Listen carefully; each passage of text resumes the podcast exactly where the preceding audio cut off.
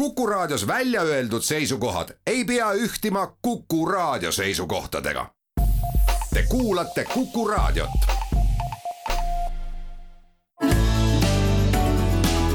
keskpäevatund.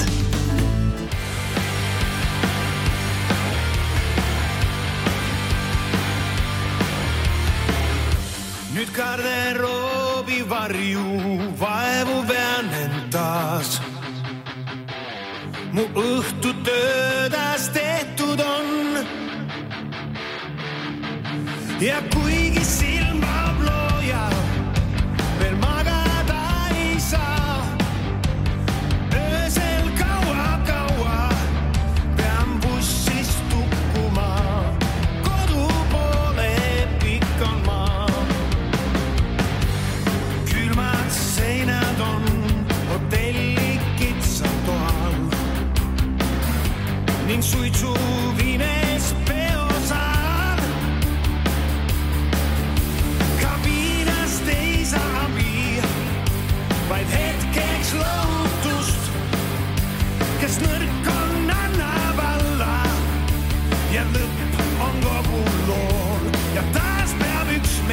fly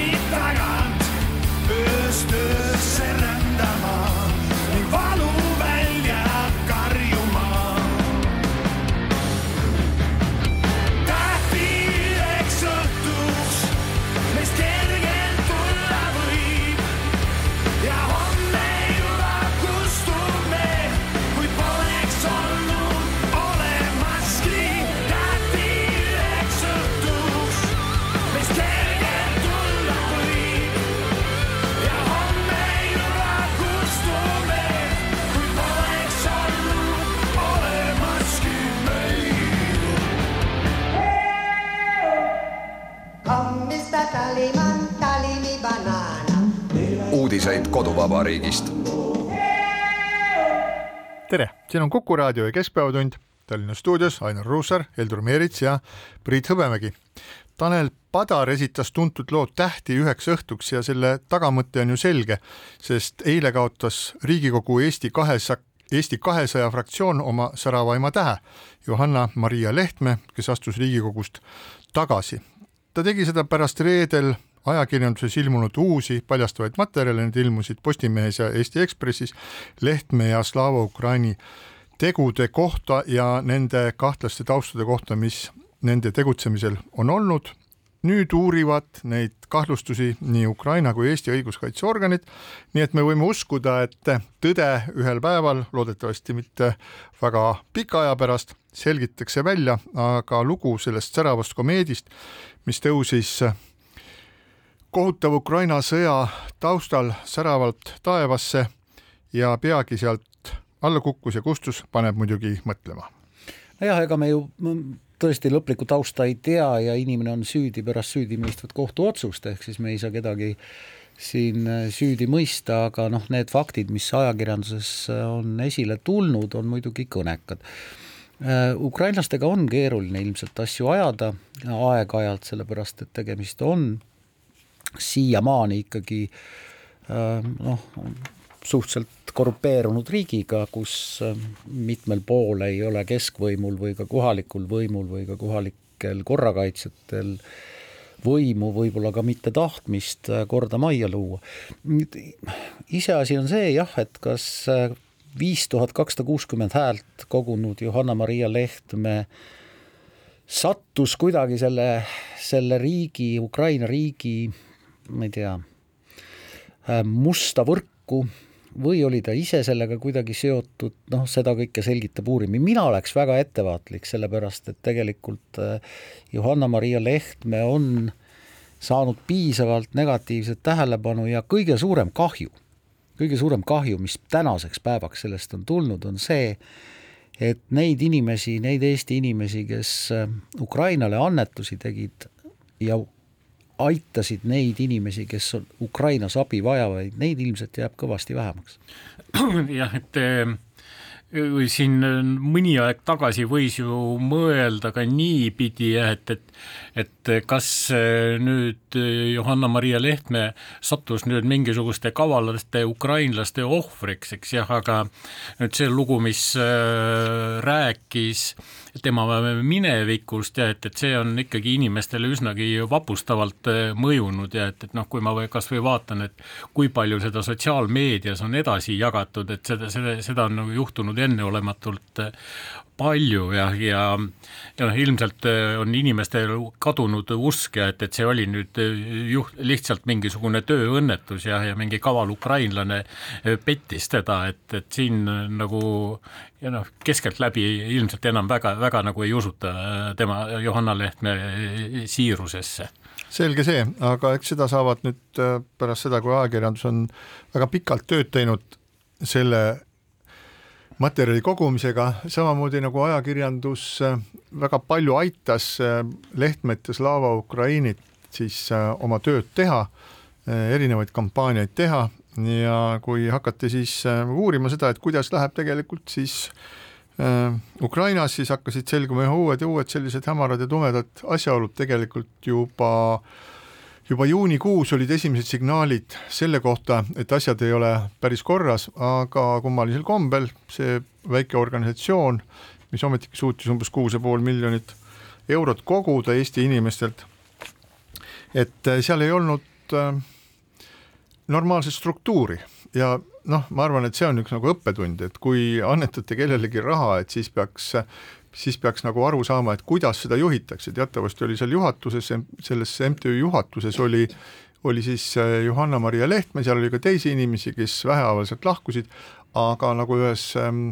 sellises ettevõtmises peab olema, on vaja ka nõukogu, kes siis on järelevalveorgan, kes vaatab, kuidas juhatus oma eh, tegevust eh, korraldab ja seal nõukogu üldse ei olnudki, seal oli niinimetatud nõukoda, nii et sisuliselt oli juba algusest peale kas siis kogemata või tahtlikult tekitatud olukord, kus mitte keegi ei saanud juhatuse liikmetele öelda, mida nad teevad, ehk et eh, kui kuskil on kuus ja pool miljonit eurot raha, siis selle raha üle peab olema kontroll ja see kontroll peab olema läbipaistev, vastasel korral see raha võib lihtsalt äh, ära kaduda, et noh, mina olen sinna annetanud võib-olla tuhat või paar tuhat eurot nende äh, talvevormide tegemiseks, mis mulle läks väga südamesse, nüüd äh, Facebookist lugesin üks tuntud inimene ütles, et ta on annetanud nelikümmend tuhat eurot ja selge see, et kui sa oled sellise kõige paremas tahtmises ja parimas usus sellise summa annetanud ja siis sa pärast loed, et äh, mõned, äh, mõnesid asju tehti hoopis vähem, teatud asju, mis Eestist sinna viidi, et need äh, vedelesid pool aastat mingites ladudes ja ei jõudnud üldse kohale, et haiglatarvikud ei jõudnud rindele, vaid jõudsid sellesse haiglasse, kus Lääne-Ukrainas, millel pole sõjaga suurt midagi pistmist ja kus oma äh, üks äh, selle Slava Ukraini kaastöötaja Ukrainast hoopis oma tulevast poliitilist karjääri planeerib, et need lood on täiesti mustad ja nad on väga sünged ja selles mõttes äh, oleme ausad, et see asi on hull ja see vajab väga tõsist läbiuurimist ja Johanna-Maria Lehtme, kes siis äh, oli põhiline tegelane kes Eesti inimeste jaoks selle, nende annetustega tegeles, ei ole suutnud anda selgeid ja ammendavaid vastuseid, ei ole suutnud esitada piisavalt dokumente ei ajakirjandusele ega ka mitte sellele samale kummalisele auditikomisjonile, mida kutsuti juhtima siis endine Majandusministeeriumi kantsler Marika Prisk. kui, kui siin niimoodi äraspidiselt lohutada, et siis nagu kõik raha ikkagi läinud vasakule, et, et osa, osa, osa raha kulus ikka õige otstarbe peale ka, eks jah, aga no mina küll ei taha mingisugusele Ukraina Jorsile mingisugust tema, tema autole ilukilpe või uut iluvõret osta oma raha eest, no miks ma peaks seda tegema? seda, seda ma ütlesingi, et, et see lohutus on niisugune äraspidine, aga noh, et on ju ajakirjanduses ka selline äh, pisara kiskumise žanr. Ja, ja noh, siis selle taha, noh eriti kui see nagu läheb nüüd annetamisele, et, et noh, et see tõesti nagu sinna taha peab nagu ka oskama näha, eks, et, et noh, iseenesest on nagu kaks, kaks nagu suurt teemat, et annetamiste puhul, esimene on see, et, et kogu Äh, annetatud raha ei kuluks ära vile ja kella laskmise peale, et, et nagu selle küsitud otstarbe jaoks ka seda raha jaguks ja noh, teine on siis see tõesti, et, et ei, lihtsalt ei varastataks ära seda raha ja, noh, selle jaoks on, mõlema jaoks on need omad meetodid olemas ja aga noh, see sageli nendest emotsionaalsetest äh, lugudest ei paista välja. nojah, ja mm, kõik need abiorganisatsioonid peavad olema ka piisavalt efektiivsed, et see, et sellest annetatud rahast liiga palju ei kuluks äh, nendele struktuuridele, mis omakorda peaksid kontrollima ja kontrollima ja kontrollima, kas see raha läheb õigesse kohta. see noh, see kulu võib-olla ei ole väga suur, aga põhimõtteliselt äh, see ei tohiks nii olla, aga aga noh, äh, tegelikult endine Kaitseministeeriumi asekantsler ja praegune julgeolekuekspert, kes väga palju ajakirjanduses esineb, Meelis Oidsalu tegi MTÜ Slava Ukraini kohta kuriteoteate ja ma arvan, et äh, neid on veel teisigi, kes kes selliste teadetega esinevad, ehk siis jah, kahtlemata ja kui nüüd tõesti Eestis on veel või meie kuulajate hulgas on mõni inimene, kes ei tea täpselt, et milles see nii-öelda nagu noored skämm siis seal Ukrainas seisnes, siis see oli lihtsalt selline, et äh, Eestis koguti raha ja siis äh, selle raha eest pidi vastavad kas talvevormid või autode ümberehitamine toimuma Ukrainas ja nüüd Eesti poolel ei ole mingisugust selgust selle kohta, et kui palju nende vormide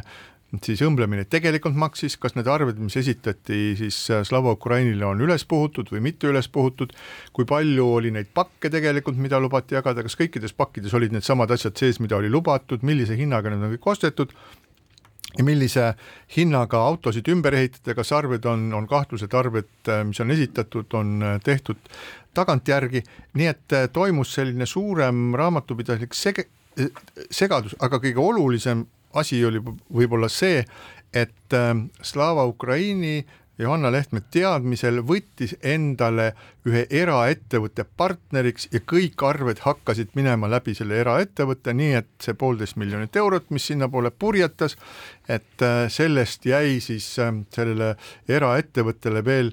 mingisugune kakssada viiskümmend tuhat äh, eurot äh, nii-öelda kasumiks, kasumiks, mille meie, Eesti inimesed, meie teiega oleme kõik neile maksnud, tont teab, mille eest seda oleks saanud teha. Kindlasti kõike mõistlikumalt ja odavamalt, aga, aga sellel kõigel on veel üks äh, selge seos poliitikaga, kahtlemata Lehtme oli Eesti kahesaja kõige säravam staar, mis tõmbas siis tohutult hääli, nagu Ainar ütles, ja seda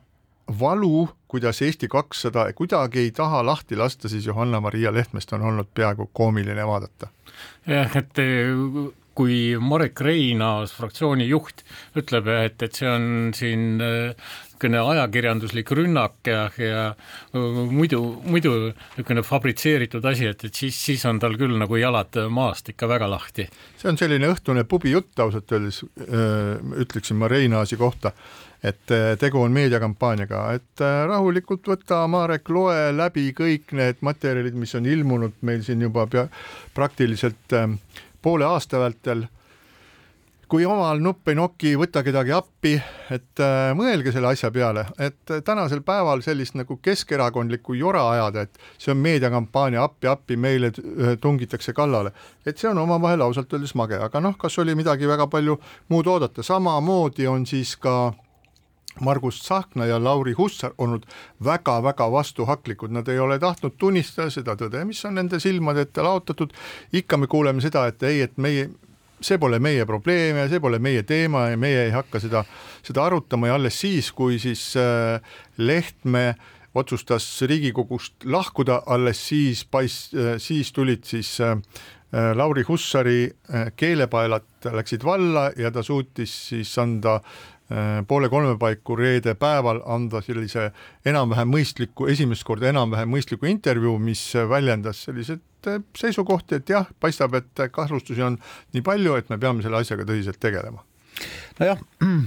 eks see paras hoop Eesti kahesajale ole, sellepärast et noh, enne riigi, riigikogusse pääsemist nad ju rääkisid ikkagi täpselt samamoodi nagu mõned aastakümned tagasi mõni teine erakond, mida praeguseks enam maastikul ei ole, et teeme uut poliitikat ja teeme uutmoodi, aga Marek Reinaasi juurde tagasi tulles korraks, et mind paneb üllatama jah, see, et nagu Priit viitasid, et natuke nagu keskerakondlik käsitlus, et kui midagi läheb halvasti, on süüdi ajakirjandus, et Marek Reinaas on nii kogenud äh, suhtekorraldaja ja nii kogenud äh, viimasel ajal ka poliitik, et noh, tema suust sellist asja kuulda on natuke kummastav. ma tahaks selle, selles kohas ma tahaks äh, tõmmata häirekella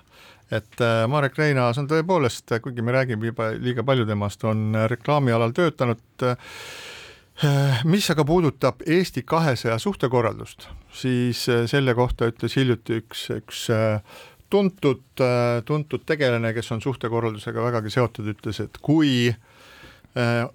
suhtekorraldust teeb Eesti kahesajale Eesti kakssada ise, siis pälviksid nad selle eest mitte kuldmuna, vaid mädamuna, sellepärast et ütleme ausalt, pole nii viletsat siis avalikussuhete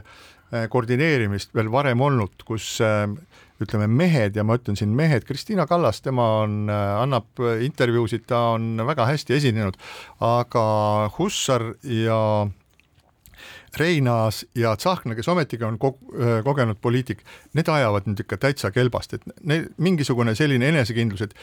kuulge, mehed, me oleme siin Riigikogus, et äh, ärge õiendage, et me saame siin ise hakkama ja me ütleme teile, kuidas need asjad äh, käivad, nii et äh, kui Eesti kakssada ei tõmba endal nagu seda suhtekorraldusmootorit käima, võtta endale mõni selline äh,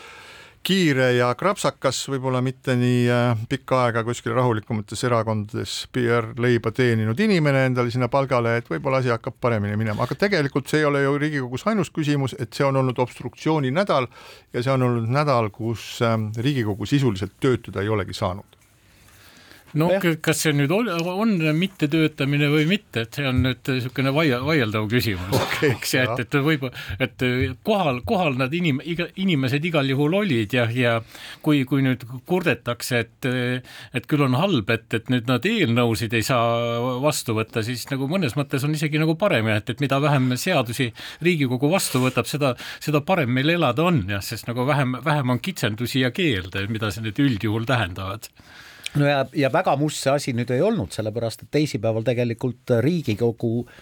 võttis üheksakümne kahe häälega vastu Eesti parlamendi otsuse toetada Ukraina ühinemist NATO-ga, mis näitas, et noh, teatavad julgeolekupoliitilised otsused vähemalt leiavad seal saalis ka vaatamata valitsusliidu ja opositsiooni pikalt kestnud vastaseisule, vastusseisule, leiavad ikkagi ka positiivse lahenduse see on küll nii jah, ja, ja ma nüüd jah, nagu ei liituks nendega, kes nüüd ütlevad, et see kõik, mis toimus, et oli niisugune maailmalõpu lähedane olukord ja et et noh, selge see, et, et seal käib vastastikune käte väänamine, aga aga jah, et, et me oleksime eksiteel, kui me nüüd üritaksime hakata määrama, et, et, et üks või teine pool on süüdi, eks, ja et, et eks see, eks ikka ühiste jõududega sellisesse punnseisu jõuti ja, ja pigem on nagu oluline see, et, et kas siis nagu saadakse sellest äh, välja või mitte, eks ju, et, et äh, nagu mu meelest koalitsioon tahaks äh, siin jõuvõtteid kasutades selle lahenduse leida jah, aga see ei tundu mulle jaoks nagu pikas plaanis üldse, üldsegi mitte hea, hea plaan, eks, sest et noh, kui nad kas või nüüd kodukorra reeglites need obstruktsiooni võimalused kinni panevad, siis no et, et kui sul on nii palju kirjutatud reegleid, siis äh, nagu ki- on nagu lihtsalt aja küsimus, millal leitakse mingi uus viis, et äh, nendest mööda minna. nii et, et no tegelikult õige viis oleks siin ikkagi mingit sorti kokkuleppe leidmine. no vot jah, kes selle kokkuleppe leiab, et EKRE, Keskerakond ja Isamaa teatasid siis, et nad paluvad, et Riigikohus otsustaks siis selle, kas valitsusliit on käitunud seaduslikult äh, või rikkunud seadust, saab siis näha, kas Riigikohus üldse võtab selle kaebuse menetlusse, saab üldse näha, kas tegelikult see kaebus ka Riigikoguni jõuab või Riigikohtuni jõuab, kas Riigikohus võtab selle menetlusse ja kui võtab, siis milline on otsus, et igal juhul noh, see sinu poolt mainitud äh, väike tramburai läheb äh, nüüd äh, täitsa kõrgel tasemel edasi. aga noh, see on nüüd ka jälle üks samm nendest jõuvõtete ridadest, eks, et, et üks proovib ühte jõuvõtet, teine proovib ühte jõuvõtet, et noh, see ei ole hea viis, et niimoodi seda, selle asi lahenduse leiab ja, ja aga no eks nad ise peavad selle leidma, selle lahenduse. nüüd mida, mida iganes siis Riigikohus äh, teeb, et kas ta võtab siis äh, menetlusse või ta ei võta menetlusse, et seda me saame näha võib-olla seal pikema aja pärast, et seda tulemust võime oodata kuskil poole aasta pärast, aga see on üks teine huvitav aspekt, millele ei ole veel siiamaani palju tähelepanu pööratud. nimelt äh, kui ähm, Riigikogu juhatus ja koalitsiooni siis ähm, tipud äh, olid omadega jooksnud ummikusse, ehk nad ei suutnud seda obstruktsiooni kuidagi peatada, nad lihtsalt jäid sellele alla, noh kahtlemata ka Lauri Hussar äh, oli ähm,, sattus kõige hullemasse keevaveega katlasse, et kui tavaliselt konna keedetakse siis niimoodi vaikselt äh, tuld lisades, siis äh, Lauri Hussar visati otse keevasse vette mulinal ja noh, seda võib näha, kuidas äh, Postimehes ilmunud pildi pealt võib, võib näha, kuidas tal on Marek Reinaasi kiri laual, et Lauri aitab küll, pane see päevakord hääletusele, nii et meil on selline vahva selline Riigikogu esimees, kes saab, fraktsiooni esimehelt saab korraldusi, mis viiakse kollase paberi paberi peal talle laua ette ja laua peale ja näha, kuidas siis selle öö, Madis Veltmani foto peal Lauri Hussari parem käsi on täiesti nagu nii krampis, et see on juba lausa lillat värvi, et noh, et see räägib kindlasti väga palju sellest, et äh, ütlen ausalt, et äh, mina Lauri Hussari nahas praegu olla ei tahaks, aga kuna, kuna siis koalitsioon ei suutnud leida mingisugust väljapääsu sellest olukorrast, siis nad palusid abi Riigikogu õigus- ja analüüsiosakonnalt, et kuidas seda asja lahendada ja Riigikogu õigus- ja analüüsiosakond andis neile paar sellist nagu näpunäidet, mida võiks teha. nüüd äh,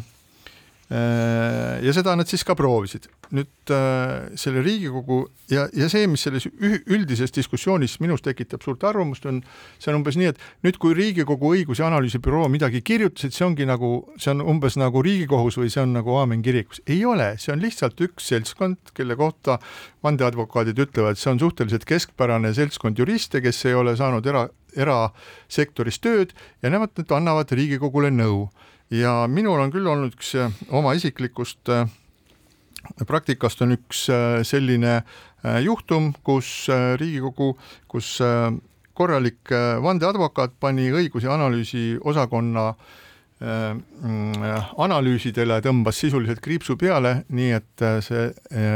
õigus ei jäänud sellele analüüsiosakonnale. Ja minu meelest on nii, et ka opositsioon võib küsida selle õigus- ja analüüsibüroo käest nõu. Ja ma tahaks väga näha sellist olukorda, et kuidas siis nii koalitsioon kui opositsioon hakkavad mõlemad õigus- ja analüüsiosakonnad tellima teineteise vastaseid analüüsi, mida selle peale teeb see osakond, kas juhtmed lähevad kohe kärssama või, või minnakse suvepuhkusele, igal juhul mina soovitaksin sellist äh, natukene seikluslikku võtet kasutada, las töötavad mõlema poole kasuks, lõppude lõpuks oleme meie,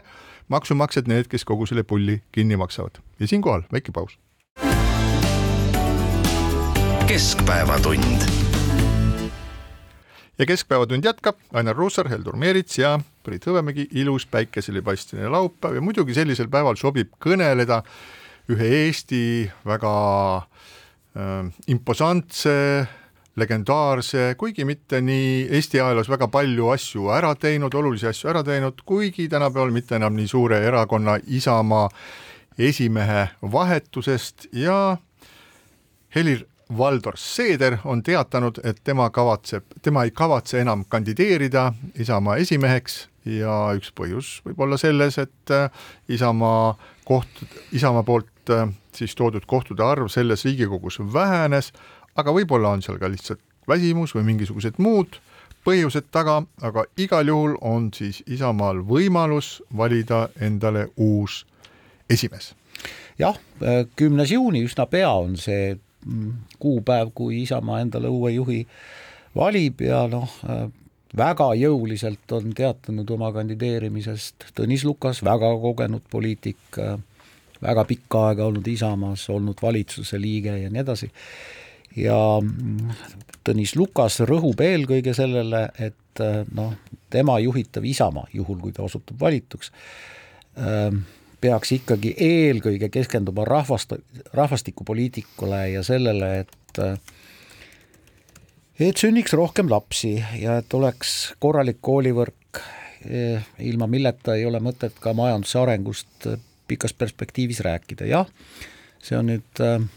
väga ilus väide, aga aga väga keeruline on selle väite puhul seada mingisuguseid sihte või mõõdetavaid eesmärke, neid ilmselt ei saa ega tohigi seada, et vot äh, aastal kaks tuhat kolmkümmend viis võiks meil sündida nii palju lapsi ja meie rahvaarv võiks olla selline ja selline ja mitte mm, siia tulevate eh, migrantide arvelt, vaid siin sündinud eestlaste arvelt, et suur, suur ja üllas eesmärk mm, edu täitmiseks, jah? Teine kandidaat on Urmas Reinsalu, aga kogu selles eh, uue Isamaa, Isamaa uue esimehe valimise juures nagu erilist intriigi ei tundu olevat ja et, et no on küll veel võimalik, et tekib keegi kolmas kandidaat, veel on mõni päev aega kandideer-, uute kandidaatide väljatulekuks, aga jah, et kui ma mõtlen Tõnis Lukase ja Urmas Reinsalu peale, et, et ükskõik kumb neist võidaks ka, raske on uskuda, et, et nüüd see Isamaa kurss ja hoiakud nüüd väga radikaalselt muutuksid võrreldes Helir-Valdor Seederiga. võib-olla on see mu silmapiiri piiratus, aga niimoodi mulle tundub ja et, et ja noh, ega seal nagu Isamaa sees on jah, nagu neid mässumeelseid ja mässumeelseid ja dissidente üsna, üsna väheks ka jäänud, nii et, et see olukord ongi nagu ehk ootuspärane niimoodi. no neid on väheks jäänud sellepärast, et Helir-Valdor Seeder tegi ju väga tegelikult järsu liigutuse ja kuidas siis tekkisid parempoolsed, oligi ju see, et see Isamaa sisene nii-öelda opositsioon või, või teistmoodi erakonda juhtida või erakonda poliitikas suunata jõud lihtsalt äh, lahkus sellest, äh, sellest äh, erakonnast. no et see, seda tuleb küll nagu Isamaa kiituseks öelda, et, et et nad on nagu panustanud väga erinevate poliitilistesse, erinevatesse poliitilistesse jõududesse. et ka Eesti kahesajas on terve hulk Isamaast pärit inimesi, ka Reformierakonnas me leiame selliseid inimesi, kellel, kelle minevik on Isamaaga seotud, nii et et selles mõttes kasvupinnasena on ta küll olnud vähemalt minevikus üsna, üsnagi võimas ja et, et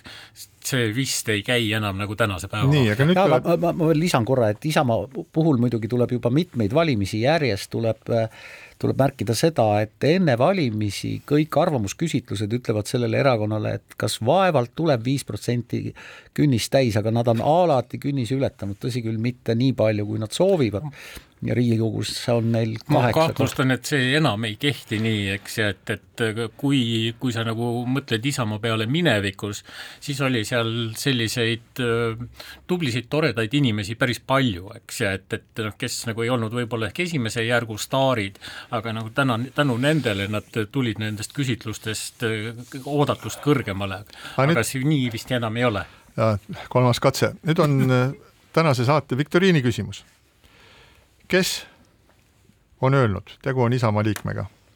Isamaa valijad on liikunud põhiliselt Reformierakonna taha ning Isamaa vajab uut käiku, mis tähendab just eriarvamuste suuremat arvestamist.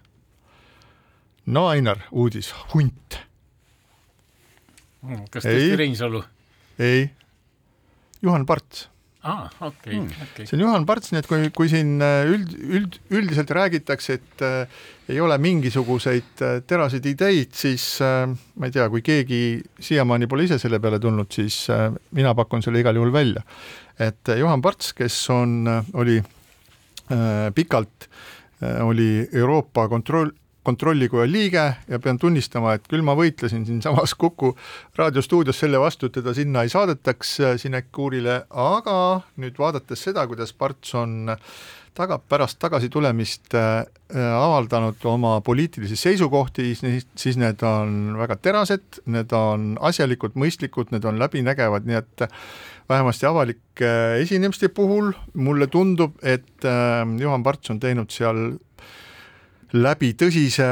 tõsise sisemise kasvamise ja tõsise küpsemise, nii et Juhan Parts oleks kindlasti minu meelest vähemasti inimene, kes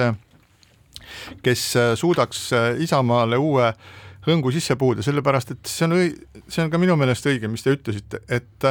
et Isamaa on aja jooksul just nimelt nende liigutustega, et sellist nagu teisiti mõtlejaid või nagu äärmusi on ära lõigatud siit ja sealt, mis on võib-olla olnud ka põhjendatud teatud äh, situatsioonides, siis ometigi on see nagu häälte paljusus jäänud väiksemaks, et kui me vaatame nagu sellist äh, inimest, kes ka väga valgusjõuline, näiteks äh, Viktoria Ladõnskaja Kubits,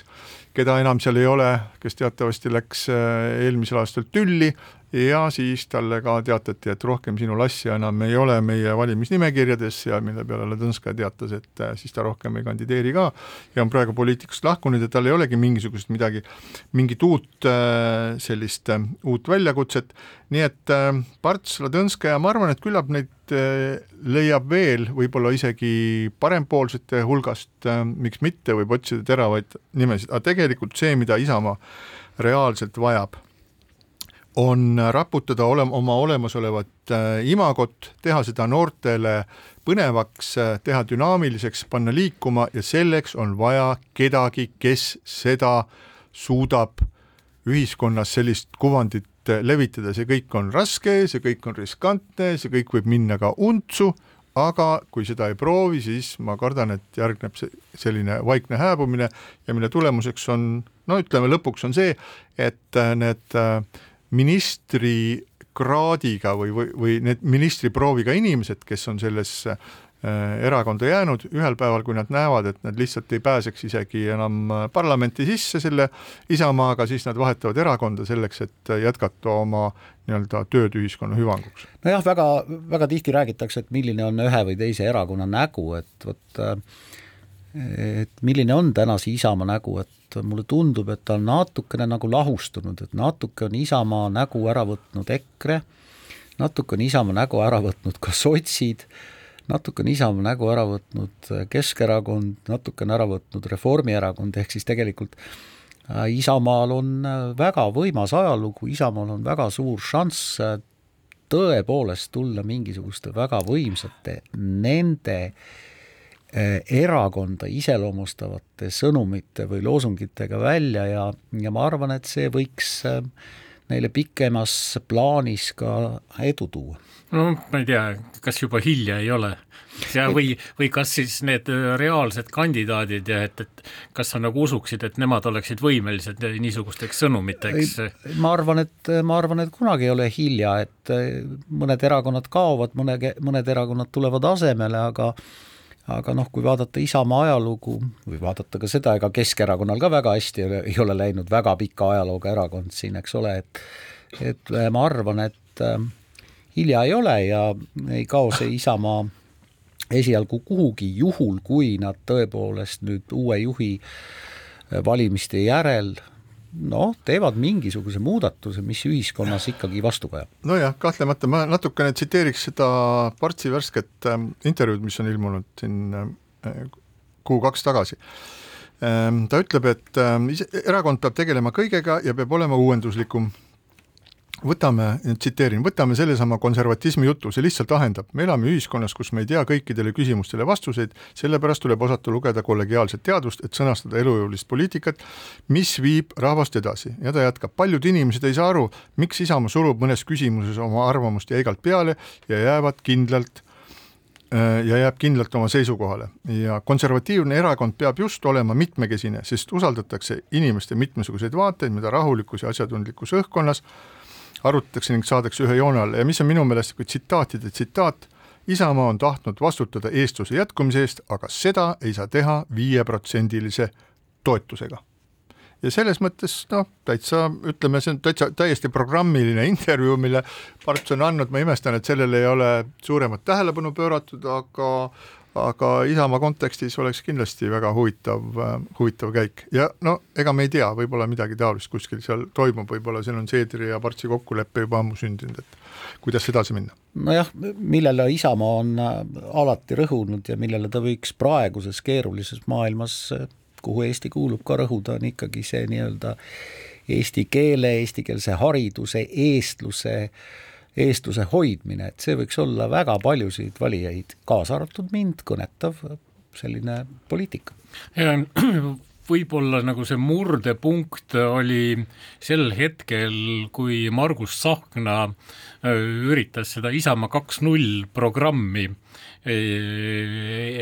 ellu viia või õigupoolest erakonna sees otsis sellele toetust jah, aga ebaõnnestus ja et, et, et nagu Isamaa et juhid, noh, kui, kui me mõtleme selle peale laiemalt, juhatuse eesseisus, et osutusid ikkagi nagu liiga konservatiivseteks selle, nende Tsahkna ideede jaoks. jah, ja, ja võib-olla see on nagu olnud see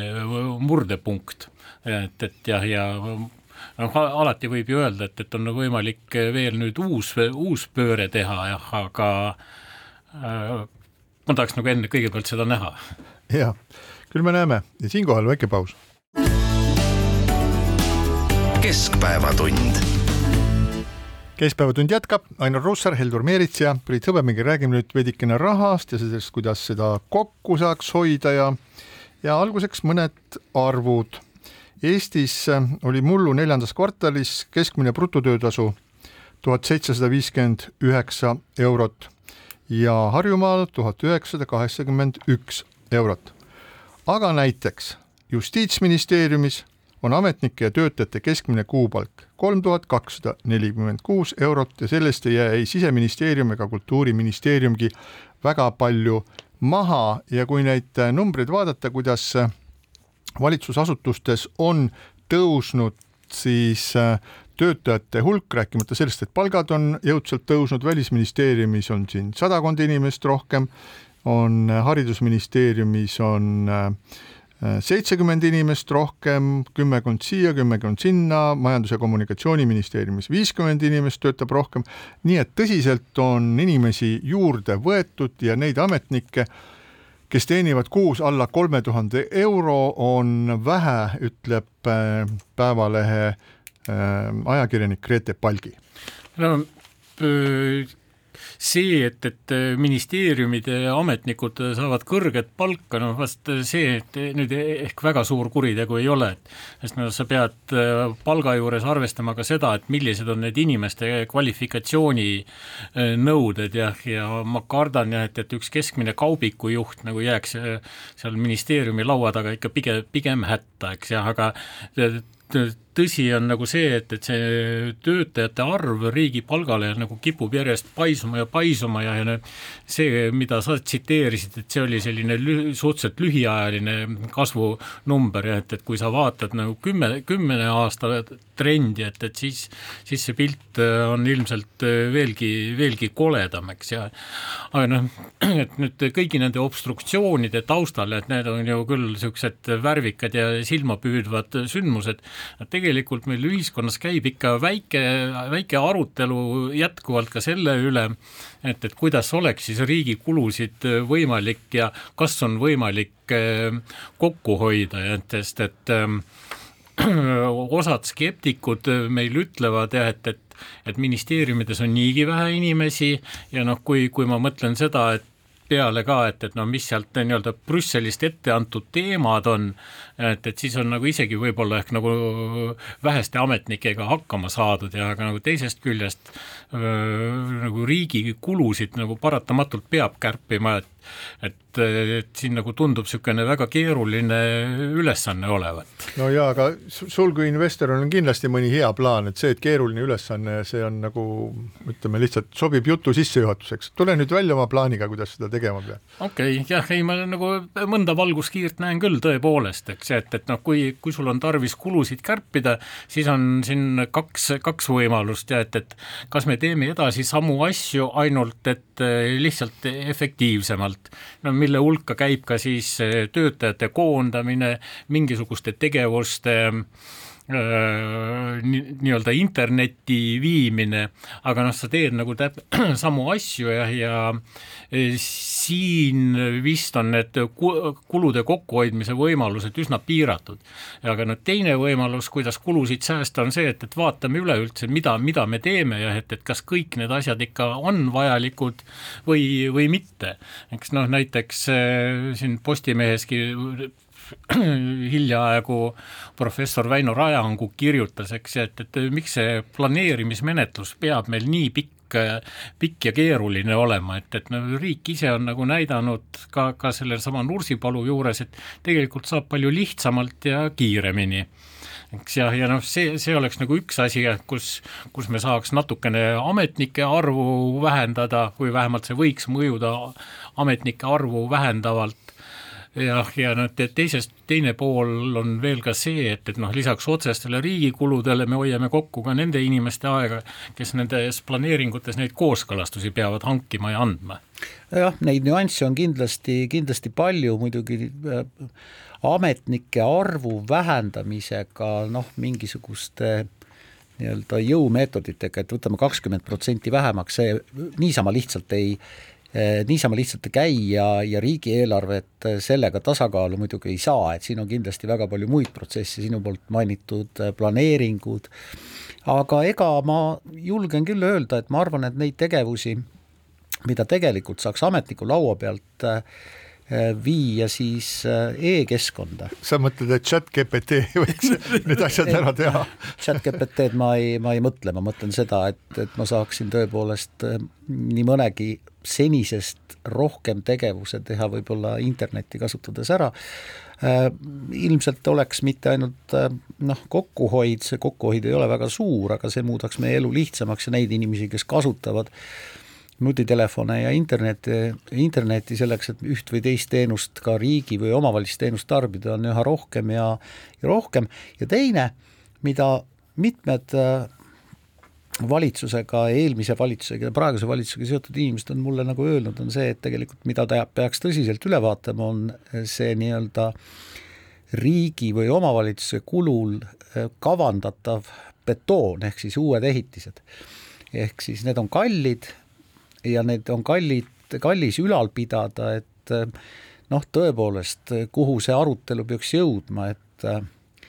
ERM on väga tore, Kumu on väga tore, keegi ei vaidlusta, et nad kunagi tekkisid, ehkki ka enne nende hoonete valmimist oli väga põhjalik ja tõsine arutelu. Ehm, et võib-olla on see üks koht, et vaadata otsa, milliseid ehitisi me riigi raha eest peaksime juurde ehitama, milliseid mitte. No nii, ütleme niimoodi, et mingit põhjapanevat sellist äh, analüüsi selle kohta, retsepte siit küll ei tulnud, aga võib-olla see käis siis, ütleme, hindasime oma võimeid lihtsalt üle, räägime lihtsamatest asjadest. ma veel nii palju nagu lisaks siia, et, et no tegelikult midagi seal ähm, riigi, riigi majapidamises siiski toimub, eks ja et, et noh, ma olen nagu kuulnud mingeid äh, väiteid, eks ja et, et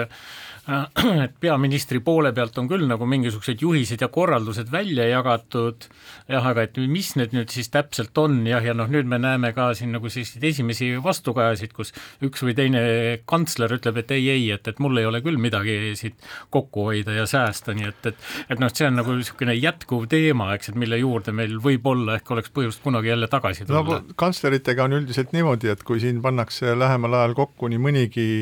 nii mõnedki ministeeriumid ühte ja samasse kohta ja siis jääb, ma arvan, et Eestis jääb üle vähemasti umbes, umbes üheksa üheksa asekantslerit ja, ja mitmed kantslerid jäävad üle, nii et eks neid inimesi, kes saavad oma nii-öelda masi-, kes olid vanasti masinavärgi juures, et äh, neidki jääb vähemaks. Ja sealt võib olla ka väike kokkuhoid, aga ma tahtsin lõpetuseks rääkida veel sellest, et mõnedes inimestest, inimestes, nagu ma aru olen saanud äh,, tekitab hirmu ja õudust see, et Riigikogu liige Varro Vooglaid on siis äh, teatanud soovist äh, kandideerida või soovist jõuda Eesti Rahvusringhäälingu nõukogusse. teatavasti Rahvusringhäälingut juhitakse siis niimoodi, et Rahvusringhäälingul on, Ringhäälingul on juhatus ja siis on Rahvusringhäälingul nõukogu, mis on Rahvusringhäälingu kõrgem juhtimisorgan ja planeerib kogu Ringhäälingu tegevust ja korraldab juhtimist ja teostab juhatuse tegevuse üle järelevalvet, et kindlasti Varro Vooglaid tahaks seda järelevalvet seal teha. Ja nüüd on kui äh, Riigikogu valiti siis nüüd ümber, siis äh, nõukogu, seal oli vist mingi seitse-kaheksa liiget, koosneb siis kõigist üks esindaja igast Riigikogus esindatud erakonnast pluss neli mm, eksperti, selle ala eksperti, olen isegi seal olnud. Ja siis, kui sel ajal, kui mina olin seal, siis oli, esindas EKRE-t kõigepealt Urmas Reitelmann, siis ta lahkus, siis tema asemel tuli Anti Poolamets ja nüüd siis ähm, soovib Varro Vooglaid sinna pääseda, et äh, need kandidaadid lähevad läbi Riigikogu kultuurikomisjoni ja ma arvan, et äh, kui Varro teeb seda, mida ta lubas, et ta taandab, äh, taandab ennast siis selle sihtasutuse perekonna ja traditsioonide kaitseks meediaportaali tööst või teeb seal mingisugused juriidilised muudatused, siis ta võib täiesti vabalt sinna äh, sinna pääseda. sa jätad nüüd mulje, et, et see oleks nagu mingisugune väga suur tema soolo, et, et ta nagu ilmselt ikkagi on nagu selle EKRE kohale kandideerimas. no see, ma ju ütlesin, et need on mm -hmm. nii-öelda need eh, erakondadele määratud kohad. just, iga parlamendierakond saab sinna saata ühe esindaja, aga aga noh, Ringhäälingu nõukogu äh, kõige suurem ülesanne on tegelikult kontrollida seda, et avalik avalikust eelarvest ringhäälingule suunatav raha oleks kasutatud otstarbekalt, efektiivselt ja ja õigesti, aga noh, minu kogemus näitab, et sageli Ringhäälingu nõukogu tahab õudselt tegeleda tegeleda programmi sisuga, mis tegelikult otseselt ei ole nõukogu ülesanne no.. ja Varro Vooglaid ilmselt, ma kujutan ette, tahaks vägagi tegeleda saadete sisuga. ma arvan, et Varro Vooglaid tahab tegeleda mitme asjaga, et äh, näiteks Äh, Indrek Saar ja äh, Jevgeni Ossinovski, kellega ma koos olin Rahvusringhäälingu nõukogus, nad olid väga põhjalikud eelarve uurijad. Ja ma arvan, et kogu sellest seltskonnast võib-olla kaks või kolm inimest tegelikult noh, nagu sisuliselt viitsis eelarvega tööd teha, aga nemad olid kahtlemata need, kes väga põhjalikult äh, seda tegid ja said ka aru, mis on muutunud, esitasid äh, teraseid küsimusi, Varro Vooglaid on selline, tema on ka süvenev inimene ja jurist, nii et ta hakkab kindlasti selle eelarvega tööle, ma ei ole kindel, kas ta hakkab tööle selles mõttes, et äh, need meeldivad Erik Roosele, need, need ettepanekud, et vaevalt, et Varro Vooglaid tahab juurde raha panna, aga tõenäoliselt tahab ta seda kuskilt siit-sealt vähemaks võtta. Oota, aga kas nagu e, Ringhäälingu nõukogu ülesanne ei ole ka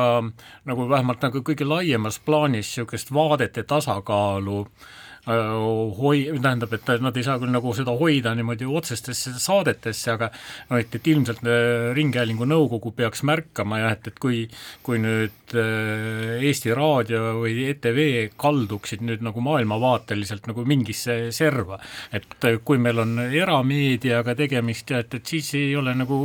selles kindlasti mingisugust probleemi ja et, et kui meediaväljaanne nüüd nagu mingisuguse, mingisuguseid vaateid rohkem sümpatiseerib, kritiseerib ka teisi. no ütleme niimoodi, et reaalsuses on asi nii, et äh, Ringhäälingu nõukogu nuriseb et tõepoolest äh, osa inimesi paneb tähele, et mingisugused saated on nende meelest nii ja teistmoodi, siis toimub nurin ja siis kutsutakse kohale äh, Rahvusringhäälingu eetikanõunik äh, Tarmo Tammer, kes ütleb igale küsimusele vastuseks ei, ei, ei, ei, ei, meil on kõik väga hästi, et te olete kõigest valesti aru saanud. tuleb Erik Roose, kes põhimõtteliselt räägib sedasama juttu, et kõik on väga hästi ja te olete valesti aru saanud, aga rohkem mingisugust trikke sellel Ringhäälingu nõukogul ei ole aga siinkohal paneme tänasele saatele punkti, täname teid kuulamast ja kohtume taas nädala pärast. keskpäevatund